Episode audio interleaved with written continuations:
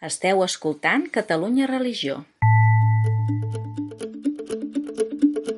Som dijous 12 de maig de 2022 i esteu escoltant la rebotiga de Catalunya Religió, aquest espai de tertúlia i comentari de l'actualitat amb els periodistes que conformen la nostra redacció. Saludem Glòria Barrete, Jordi Llisterri i Roger Vilaclara. Com anem? Hola. Hola. Guard. Aquesta setmana, de fet, aquest dimecres, Migra Studio m'ha presentat la memòria de l'any passat, 2021, un any que han explicat que va estar molt marcat per totes les dificultats que van tenir d'accés al, al CIE, al Centre d'Internament d'Estrangers, de Zona Franca. Recordem que durant la pandèmia van tallar visites i després ha estat com molt difícil recuperar l'atenció, l'acompanyament que anaven fent de, de seguiment dels interns no? que estan en situació administrativa irregular. N'hem parlat diverses vegades en aquest espai. Um, aquesta vegada eh, hi va anar en Miquel Codolà, que és col·laborador del portal, i ell, es, ell explica la situació de l'Osama, que, que va arribar del, del Marroc. bueno, llegiu-vos la peça, eh, perquè uh, tota la, no, la part inicial dir, ho ha trebat molt bé i s'entén no, la situació de, explicat, sí. de fragilitat eh, i del que implica estar al carrer i, i, i, i el pas tan gran que hi ha quan no? hi ha una situació d'acollida, hi ha un, un confort, una xarxa que acull aquesta persona i, de fet, acaba explicant no? que de, d'estar mm, això, no? vivint al carrer, passa ara a, a estar fent uns cursos i una formació per accedir un, a un grau mitjà. No? En tot cas, és com una foto concreta d'una realitat més àmplia i que recullen ells aquí amb, amb dades i, i donen xifres doncs, d'aquesta realitat d'acollida. No? Um, més de, més de 5.000 persones no? que van passar um, per aquesta entitat. Glòria. Uh, sí, de, de fet, una de les coses que Migra Studium jo crec que fa molt bé és, uh, des de fa anys, jo crec que posa rostre a aquestes xifres, no? també ho fan altres entitats que hem anat a cobrir amb projectes com Càritas o Fundació Pere Tarré. Són institucions que ja tenen molt treballades el tema de les dades, però que les han de donar i penses eh, posar al final darrere que implica una persona doncs, passar per una entitat com aquesta jo crec que a les persones normals com nosaltres ens ajuda també a visibilitzar un problema molt, molt gran, no? I, I, de fet, aquesta memòria d'aquest any que tenim penjat a la pàgina web, a la notícia del Miquel que deies, jo crec que visibilitza molt bé això. Primer perquè hi ha un apartat de, de testimonis, no?, de persones que van passant pels projectes, també dels reptes que es marquen el 2022, que jo crec que són reptes molt potents però alhora molt concrets, no és allò de grans teories però poques accions concretes i, i doncs això és eh, realment escandalitza eh, veure que ja és un habitual el tema del CIE. Recordem que de les primeres peces potser que ens va tocar com a periodistes de Catalunya Religió, almenys a nosaltres, de cobrir són les pregàries típiques que fan davant del CIE. Sí, això ho recorda això, sempre. Jo ho recordo sempre i fa ja a vora 9-10 anys que ho vam fer. Llavors te n'adones que és, és ja quasi un problema cronificat. També recordo molts moments en què l'alcaldessa de Barcelona, l'Ada Colau, a l'inici de, del, seu mandat va posar sobre la taula això ho tancarem eh, per una irregularitat i d'això ja han passat uns quants anys. I te n'adones que al final bueno, són problemes enquistats que malauradament doncs, no tenen fàcil solució, però que gràcies a entitats com a Migra Studium i d'altres doncs la gent això, eh, té respostes concretes, com l'Osama o més d'altres que podeu consultar. Mm. Jo, jo m'afegeixo a la reflexió de la Glòria sobre el tema de les dades, mm, també perquè, eh, a veure, avui eh, sembla que no hi ha una entitat social o, o una fundació com som nosaltres, eh, si no tens un Excel que justifiques les coses, no serveixes per res. I això és un perill que tenen totes les entitats, que has de, fer, has de presentar números, informes i balanç social, etc. No dic que estigui malament fer-ho, al contrari, però que també això no ens enlluerni i dir, mira, n'he tants i n'he quants. Sí que és veritat i ara dic el contrari de la reflexió que acabo de fer, però que les dades que ens dona Migra Studium són interessants en el sentit de que eh, dintre d'aquestes 5.000 persones que han, diguem, eh, passat o, o fet ús dels seus serveis, doncs hi ha mm, gairebé 1.200 persones ateses més directament i també hi ha gaire, arriba gairebé 4.000 persones les que han passat per qüestions també de formació i sensibilització, que és una feina molt important evidentment ja és molt important la, la part d'atenció directa i d'oferir solucions a persones que, que tenen un problema, però també que, que hi hagi més de 4.000 persones doncs, que hagin pogut, i més 4.000 són les que entenc que han comptat com a registre, però quan fas una activitat l'impacte també arriba a uns punts doncs, que, que, no, que no pots controlar i que segur que són més. I que darrere això hi ha 250 voluntaris.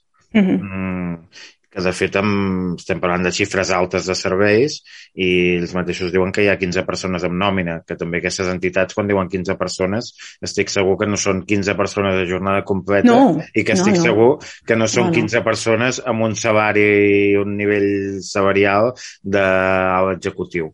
Mm? Eh, per tant, aquí és de segur que algú que, doncs, que fa 3 o 4 hores a la setmana ajudant en administració doncs, també està comptat entre aquests 15. Mm -hmm. eh, i, amb, I amb aquest amb, amb aquest, diguem, massa um, diguem, personal, doncs es fa molta feina. I això ho fes una altra, una altra entitat o, una, o sobretot una administració, segur que necessitaríem 10 vegades més recursos per fer el mateix servei que el que es pot fer amb, amb una entitat social eh, com és Migrastudium. Per tant, insisteixo en la crítica al dadaisme en el sentit de l'obsessió per les dades, eh, però també és veritat que ens diuen coses. En aquest cas no és, jo crec que no serveixen l'Excel perquè eh, tra treballen bé i són dades que estan ben presentades, s'entenen no? I, que s'expliquen gràficament i, i, i això ajuda molt també a la feina que fem els periodistes. Però um, a mi m'agradaria posar-hi una mica de context perquè la feina que fa Migra Studium um, bueno, és, és lloable però té molt de sentit en, en el moment en què es fa en xarxa. De fet, la iniciativa aquesta d'hospitalitat no? que posa um, en connexió famílies o comunitats, n'hem parlat també aquí alguna vegada, el tema de l'acollida, no? Mm, gent que arriba i necessita una estabilitat per un temps de forma no, temporal, però mm, per donar una empenta a l'hora de sortir-se'n. Um, aquí, això que deies dels, d'aquests dos, 252 persones voluntàries no inclou, em sembla a mi, aquesta xifra, les famílies i comunitats que estan acollint gent a casa seva. No és ben bé un concepte de voluntariat, eh, és una altra dimensió, no? Diguem, més. I aquests també hi són i també sumen, no? Una de les coses que diu que, que tiran endavant, no? l'obertura d'una altra casa, un nou pis no? d'hospitalitat. Suposo que responent a totes les peticions que, que poden tenir o necessitats que detecten. Però deia de posar context perquè hi ha Migrastudium, però mm, a nivell de Barcelona, bueno, l'arxidiòcesi, no? Terrassa i Sant Feliu, uh, fa temps ja, 20 anys, des de les primeres tancades de, d'immigrants a Santa Maria del Pi, no? que, que havia també donat suport al rector en aquell moment, no? Vidal Lleonós, eh, corregeix-me Jordi si m'equivoco, i d'altres que ho han anat seguint, no? un Joan Cabot, etc. Sí, sí. No, no, més um. Vidal no es va ser, diguem, el personatge més visible, però allà hi havia molt de clero i molta gent d'església implicada i, de, i darrere d'això. Doncs des d'aquell eh, inici d'una sensibilització en, un, en, un, en una realitat, una problemàtica creixent com a societat, no? que l'Església va donar una resposta molt concreta i va servir també de plataforma de denúncia, um, d'aquí, clar, han nascut moltes coses, no? I, i s'ha fet s'han fet veure uh, aquests enllaços que hi ha amb altres entitats. No? I parlo concretament de la plataforma d'entitats cristianes amb els migrants i migrants que, que tenen una connexió i que han aconseguit sobreviure a la pandèmia com a plataforma, em refereixo, no? en un moment que tot ha anat uh, aturant-se o ha quedat com en línia de supervivència, ells encara hi són, encara es comuniquen i ara al final també es troben i busquen no, aquesta força que poden tenir junts. I han creat aquests espais, es troben un cop al mes, estem parlant una dotzena llarga d'entitats, eh, entre les que hi ha a centres oberts que impulsen les Teresianes, a Ecumener Raval, això que dèiem de la Fundació Migra Studium, però també hi ha Sant Joan de Déu, a la Pastoral amb Immigrants, hi ha diferents no, entitats i realitats que, que estan pel mateix. I el fet de que cadascuna tingui els seus projectes i experiències um, diries, ostres, potser que us ajunteu i feu alguna cosa plegats, no? Però tothom hi posa el seu accent i la gràcia és quan es troben i comparteixen experiències, no? I clar, les vegades que hi hem parlat de, ostres, també estaria bé que d'aquí hi hagi dades, no? que ens serviu informació. És una mica com Càritas, que són els que estan a tocar d'una realitat molt sensible no? i els que tenen aquest coneixement. Si per la part, el sector d'atenció a les persones eh, nouvingudes hi hagués eh, també aquesta, aquesta transmissió d'informació de, de realment què és, què és el que estan passant, no? Això ajudaria molt. Mm, però ells ho valoren positivament en la part de, de compartir experiències. Diu, perquè moltes d'aquestes entitats no són conscients del que estan fent, del bé que fan, no? I, i, és així. I, no, és així. Eh, o, o que allò pugui ser noticiable o reportatjable, no? No, no tenen una mirada mm, comunicativa i moltes vegades nosaltres tampoc ens n'assabentem perquè ells no ens ho expliquen, no? Mm. Llavors, bueno, aquí llenço faig una crida a que comparteixin més això i que no pateixin, que, que sempre ho tractem amb un carinyo. carinyo. Però, perdó, eh? eh tornant a l'aspecte fins i tot més comunicatiu de la botiga que té aquest espai. Mm. Quan a Càritas, que és un, un agent, diguem, reconegut en aquest àmbit i que quan convoquen a la premsa doncs tenen repercussió, eh, quan presenten els informes, al final el titular acaba sent Càritas denuncia que un X per cent, eh, Càritas atès un X per mil, un... o sigui, sempre el, el, el, el relat periodístic ens basem en dir a veure quants, si han pujat o han baixat, o aquest any ha doblat el nombre de no sé què. Mm? Mm -hmm. I això forma una part de la realitat, però, i, i ho acostumem a explicar això als periodistes, però això no és la realitat. Glòria.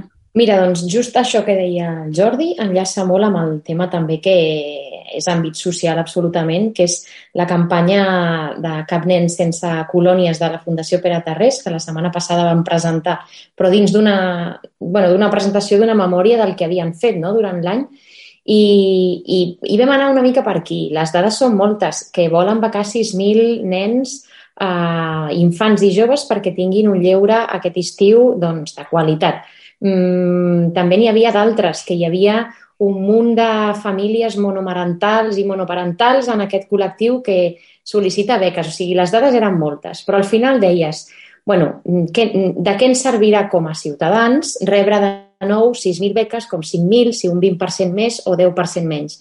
I vaig pensar, mm, és això el que diu el Jordi, eh, és arribar i dir, no, eh, tots eh, podem entendre què suposa per un infant, inclús per un adult, però imaginem com a infant, quan tenim la realitat a tocar que ja hem vist, eh, de Càritas, de Migrastudium, entitats que ho van denunciant.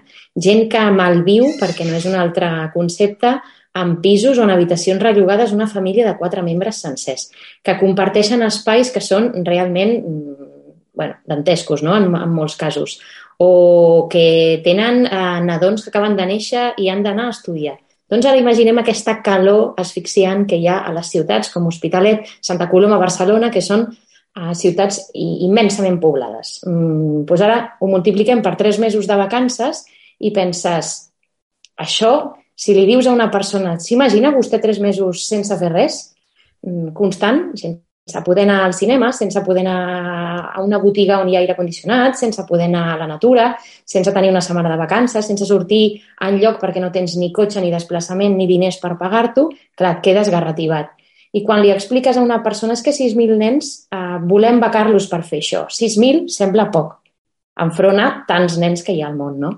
Però quan penses en aquest titular, dius, no, més enllà de les dades, hi ha un problema de fons que es va enquistant.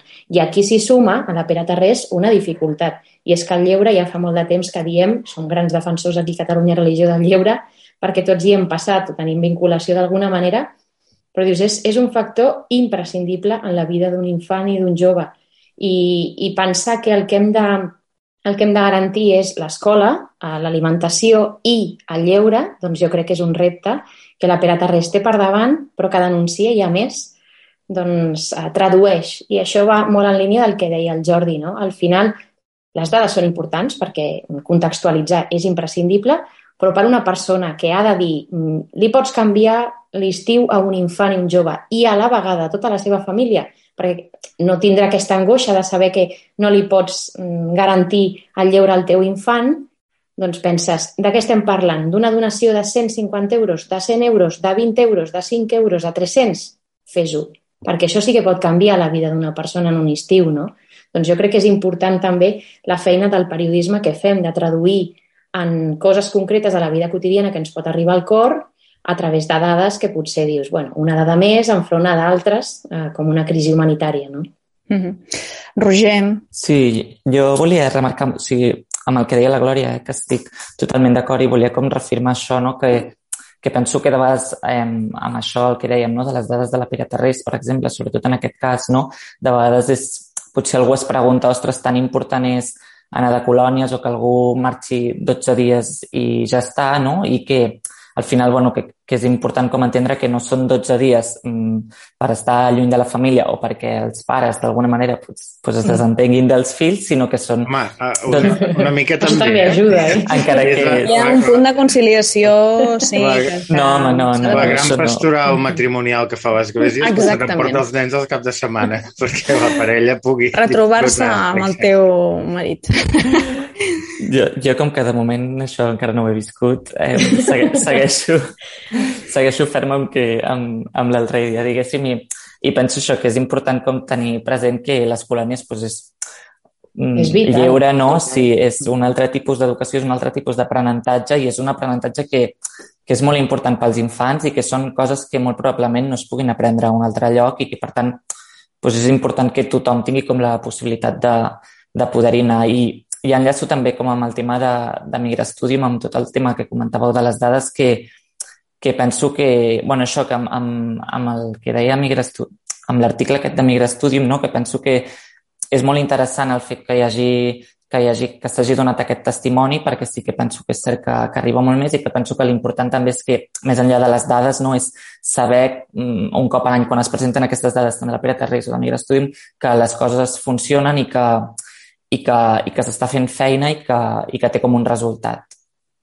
I en aquest entorn de colònies que dèiem ara també, mm, hi ha el factor que n'hem parlat alguna vegada i, i Pere Terrés ho ha posicionat, de salut, de salut mm. física, mm. perquè si passem per les urgències hospitalàries, eh, la quantitat de nens pediàtriques, em refereixo, quantitat de nens que tenen patologies que es podrien eh, evitar per viure en entorns mm, no? que no sigui, ni, ni, ni, ni pateixin humitats o falta de llum o falta de ventilació, no? tot això que dius mm, realment, clar, al final és un pulmó i un oxigen al, al sortir uns dies, tenir un entorn de natura i, mm. i viure amb, amb uns criteris, no? que estem parlant de, de salubritat, eh? mínims, però que això també ja és clar que s'ha d'anar a la base i a evitar que hi hagi no? la situació, però eh, sense que sigui un pedaç, no? a l'hora que tu fas un pedaç pots estar dient alerta que aquí tenim un tema important.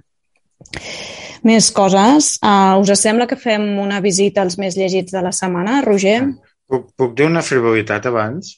Ah, Endavant. La part matrimonial. A tu, t'ho permetem, Jordi, estàs aquí per això. No? Em, quedo, em quedo amb la gran frase de la Glòria de Catalunya Religió som un grans, uns grans defensors del lleure. Home, Entenc que es referia sí, ha sonat una mica estrany. Lleure, però el nostre lleure jo particular. Jo com a gran defensor Acabem del la lleure. rebotiga i... Sí, sí, sí. unes, unes canyes, sí, sí. Ha sonat una mica raro, tens raó, eh? Tens raó. No, no, l'educació en el lleure, que quedi clar, que som grans defensors. De l'altre lleure també, De l'altre també, lleure també és vital. Tot és important en aquesta vida. De fet, ah. els grans moments de Catalunya Religió han sigut quan hem anat a casa de la Laura i ens ha fet una fideuà. Això és veritat. és, és el reclam de dir-te que queda poc, poc temps perquè ens facis la proposta. Perquè arribi l'estiu, eh? Mm, això fa estiu. Vinga, Roger, els més llegits, sisplau. En primer lloc, hi tenim un article sobre la mort del periodista Miquel Àngel Martín, en segon lloc, hi tenim una peça que vam fer sobre l'acte que organitzava Cristianisme del segle XXI amb el títol Moral i ètica en la figura de Jesús, l'escàndol de l'Evangeli. En tercer lloc hi tenim eh, l'article en què parlàvem de la inauguració i la benedicció de la façana restaurada de la catedral de Tortosa. En quart lloc hi tenim un article també sobre la mort del periodista Miquel Àngel Martín, més personal, i en cinquè lloc hi tenim la notícia sobre el Premi Manuel Munier que s'ha otorgat a Xavier Puigdollers. Comencem, si us sembla, bueno, memòria obligada a Miquel Àngel Martín. Dissabte vam quedar tots molt tocats per la notícia. Um, clar, és una persona amb la que, com a metge de comunicació especialitzat en aquest món nostre, era algú amb qui parlaves freqüentment, no? I que sempre estava super disponible a l'altre cantó del telèfon i, vaja, un, un tros de pa. Jo quan aquests dies en, en parlàvem, dic és que si alguna cosa que el definís era aquella bondat no? que tenia i a banda de tota la dimensió no? professional com a bon periodista i la feina que ha fet, que no, jo crec que no ens l'imaginem, el, el bisbe de Lleida no? també ja venia amb un, amb un previ, um, el mateix Jordi Pérez, que ens ha escrit aquesta memòria més personal, no? um, va ser qui, qui el va fitxar, ell ho explicava, no? que una mica qui el va poder descobrir quan ell treballava a la mañana i després també li va fer el relleu a, a, a la delegació de mitjans de Lleida. No sé què dir, la veritat. Uh, estem molt tocats i, i des d'aquí una abraçada molt, molt forta a la seva família, a tot l'equip del, del Bisbat i les seves amistats més, més properes. Uh, Glòria.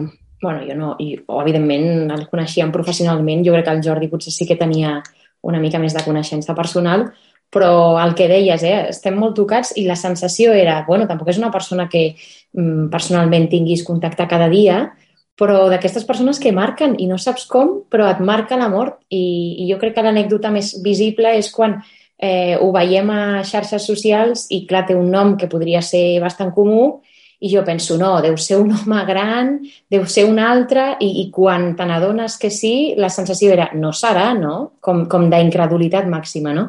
Mm, clar, les morts sempre sobten, i si són joves, doncs encara més, però alhora eh, penses, quina llàstima no haver-lo conegut més, perquè te n'adones que amb les... sempre ens ha passat amb molts altres personatges, eh?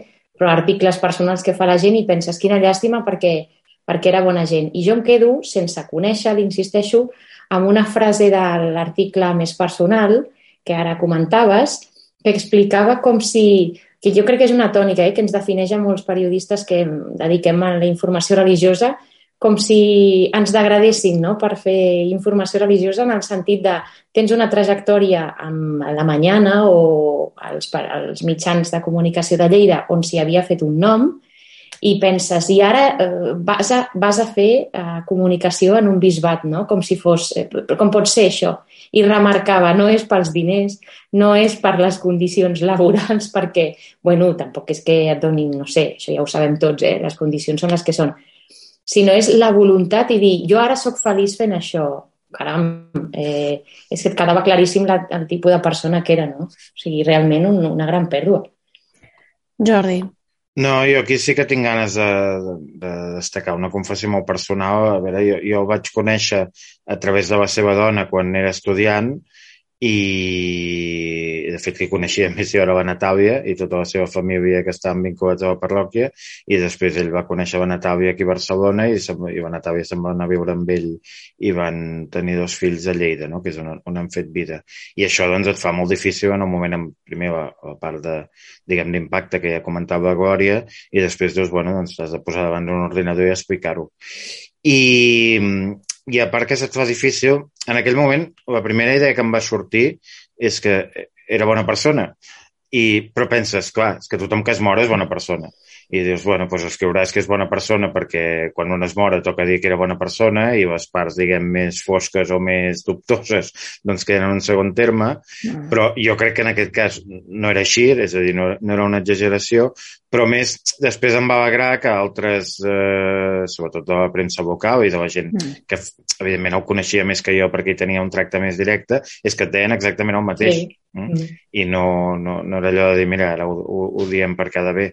A veure, una mostra, eh, el, el dilluns o a la tarda vam anar amb un amic també comú a, a Lleida del Tanatori, vam poder estar una estona amb la, amb la Natàlia i amb, amb la seva família, i una cosa que jo feia molts anys, bueno, és que jo crec que no havia vist mai, és a dir, vam haver de fer cua, cua al tanatori, i entenc que és, una qüestió, és algú conegut i també per la situació i el moment de la mort, però, però és que hi havia molta gent, molta gent, mm. i a més molta gent que veies, mira, de vegades hi ha gent que es mora i com que et toca anar-hi, doncs hi vas i fas el que toca, no? Però, però és que es veia molta gent molt propera. Mm? I, bueno, mm, el que està escrit sobre ell ja està escrit, però jo crec que aquesta dimensió més, més, més personal, eh, que al final pel que estem en això, doncs també val la pena, val la pena remarcar-la. Mm. Més coses, um, no sé, um, Amb no sé per on ja... seguir, la veritat. amb això ja no sabem per on seguir. Um, deies, uh, Roger, reprenem, si us sembla, a partir dels més llegits. Clar, ara tot queda com molt frívol eh, després d'això, però bueno, per sort la vida continua. Um, jo crec que el més llegit segon també que comentàvem, quin era, Roger? Sí, la façana el... de Tortosa? Sí, la façana estava dintre d'aquests primers més llegits Bueno, la gràcia d'aquesta peça, diríem, eh, és veure la trajectòria que ha fet eh, per poder visualitzar la façana de Tortosa, perquè realment com a acte dius, bueno, eh, s'inauguren altres façanes i les restauracions sempre són benvingudes, però en el cas de Tortosa, a part de necessària, jo crec que es visualitza en la peça que vam fer com un recorregut eh, dels que són de Tortosa, segur que ho han viscut. L'enderroc de les cases ja com queda ja en l'imaginari col·lectiu una, una façana que no veies fins que no passaves un carrer.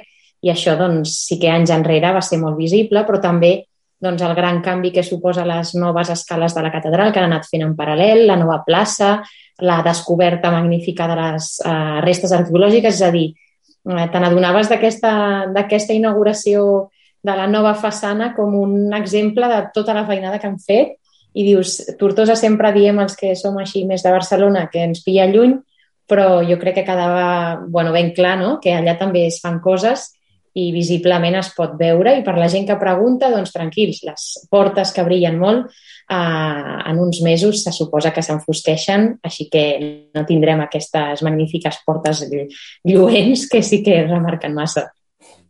Ara seré allò... molt... Digues, digues. Okay.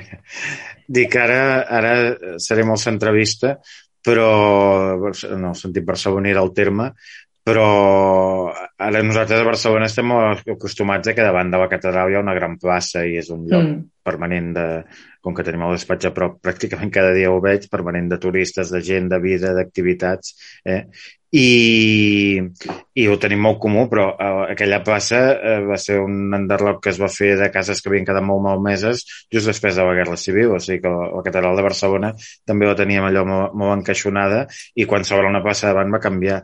I ara de les últimes vegades que he estat a Tortosa, realment és que és com a nit i el dia, és com una, sí, sí. és com una altra ciutat i suposo que d'aquí, doncs, això, 70 o 80 anys, la gent ho veurà com el, el que ha sigut sempre, però no, és un, és un, és un canvi molt, molt, important, que també crida l'atenció de com en determinat moment tens un, un com s'han valorat les coses, no? Doncs tens mm. una façana com la de Barcelona o la de Tortosa o altres, segur que altres llocs eh, passa el mateix i, i, i, a, i a 10 metres i tens una façana d'un altre edifici que t'ho tapa, no? Mm. Eh, doncs, eh, doncs ara s'ha corregit això i, i és un motiu més doncs, per, per tornar a Tortosa i poder-ho i poder-ho veure. La, la brillantor de les portes mm, ja no, no sé si ho veig tan clar, però suposo que també amb el temps... De bueno, això també, diuen, això diuen, no, no ho sabem. De, no de vegades també quan, quan fan parts noves a la Sagrada Família, penso, hi falta una mica de pols.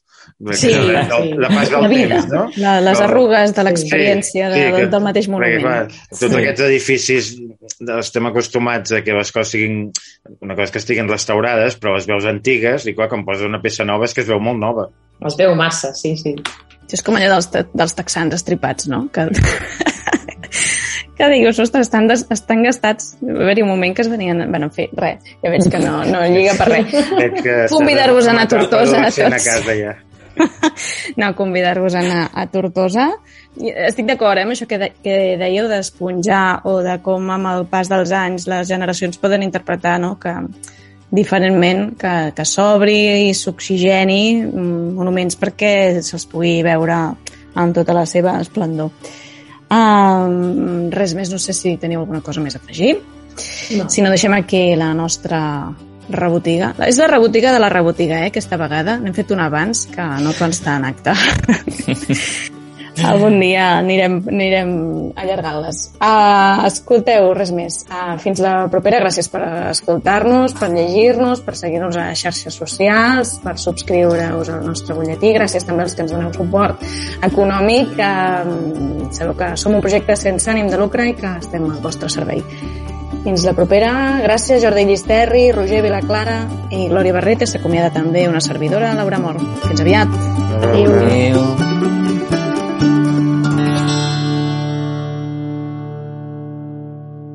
Catalunya Religió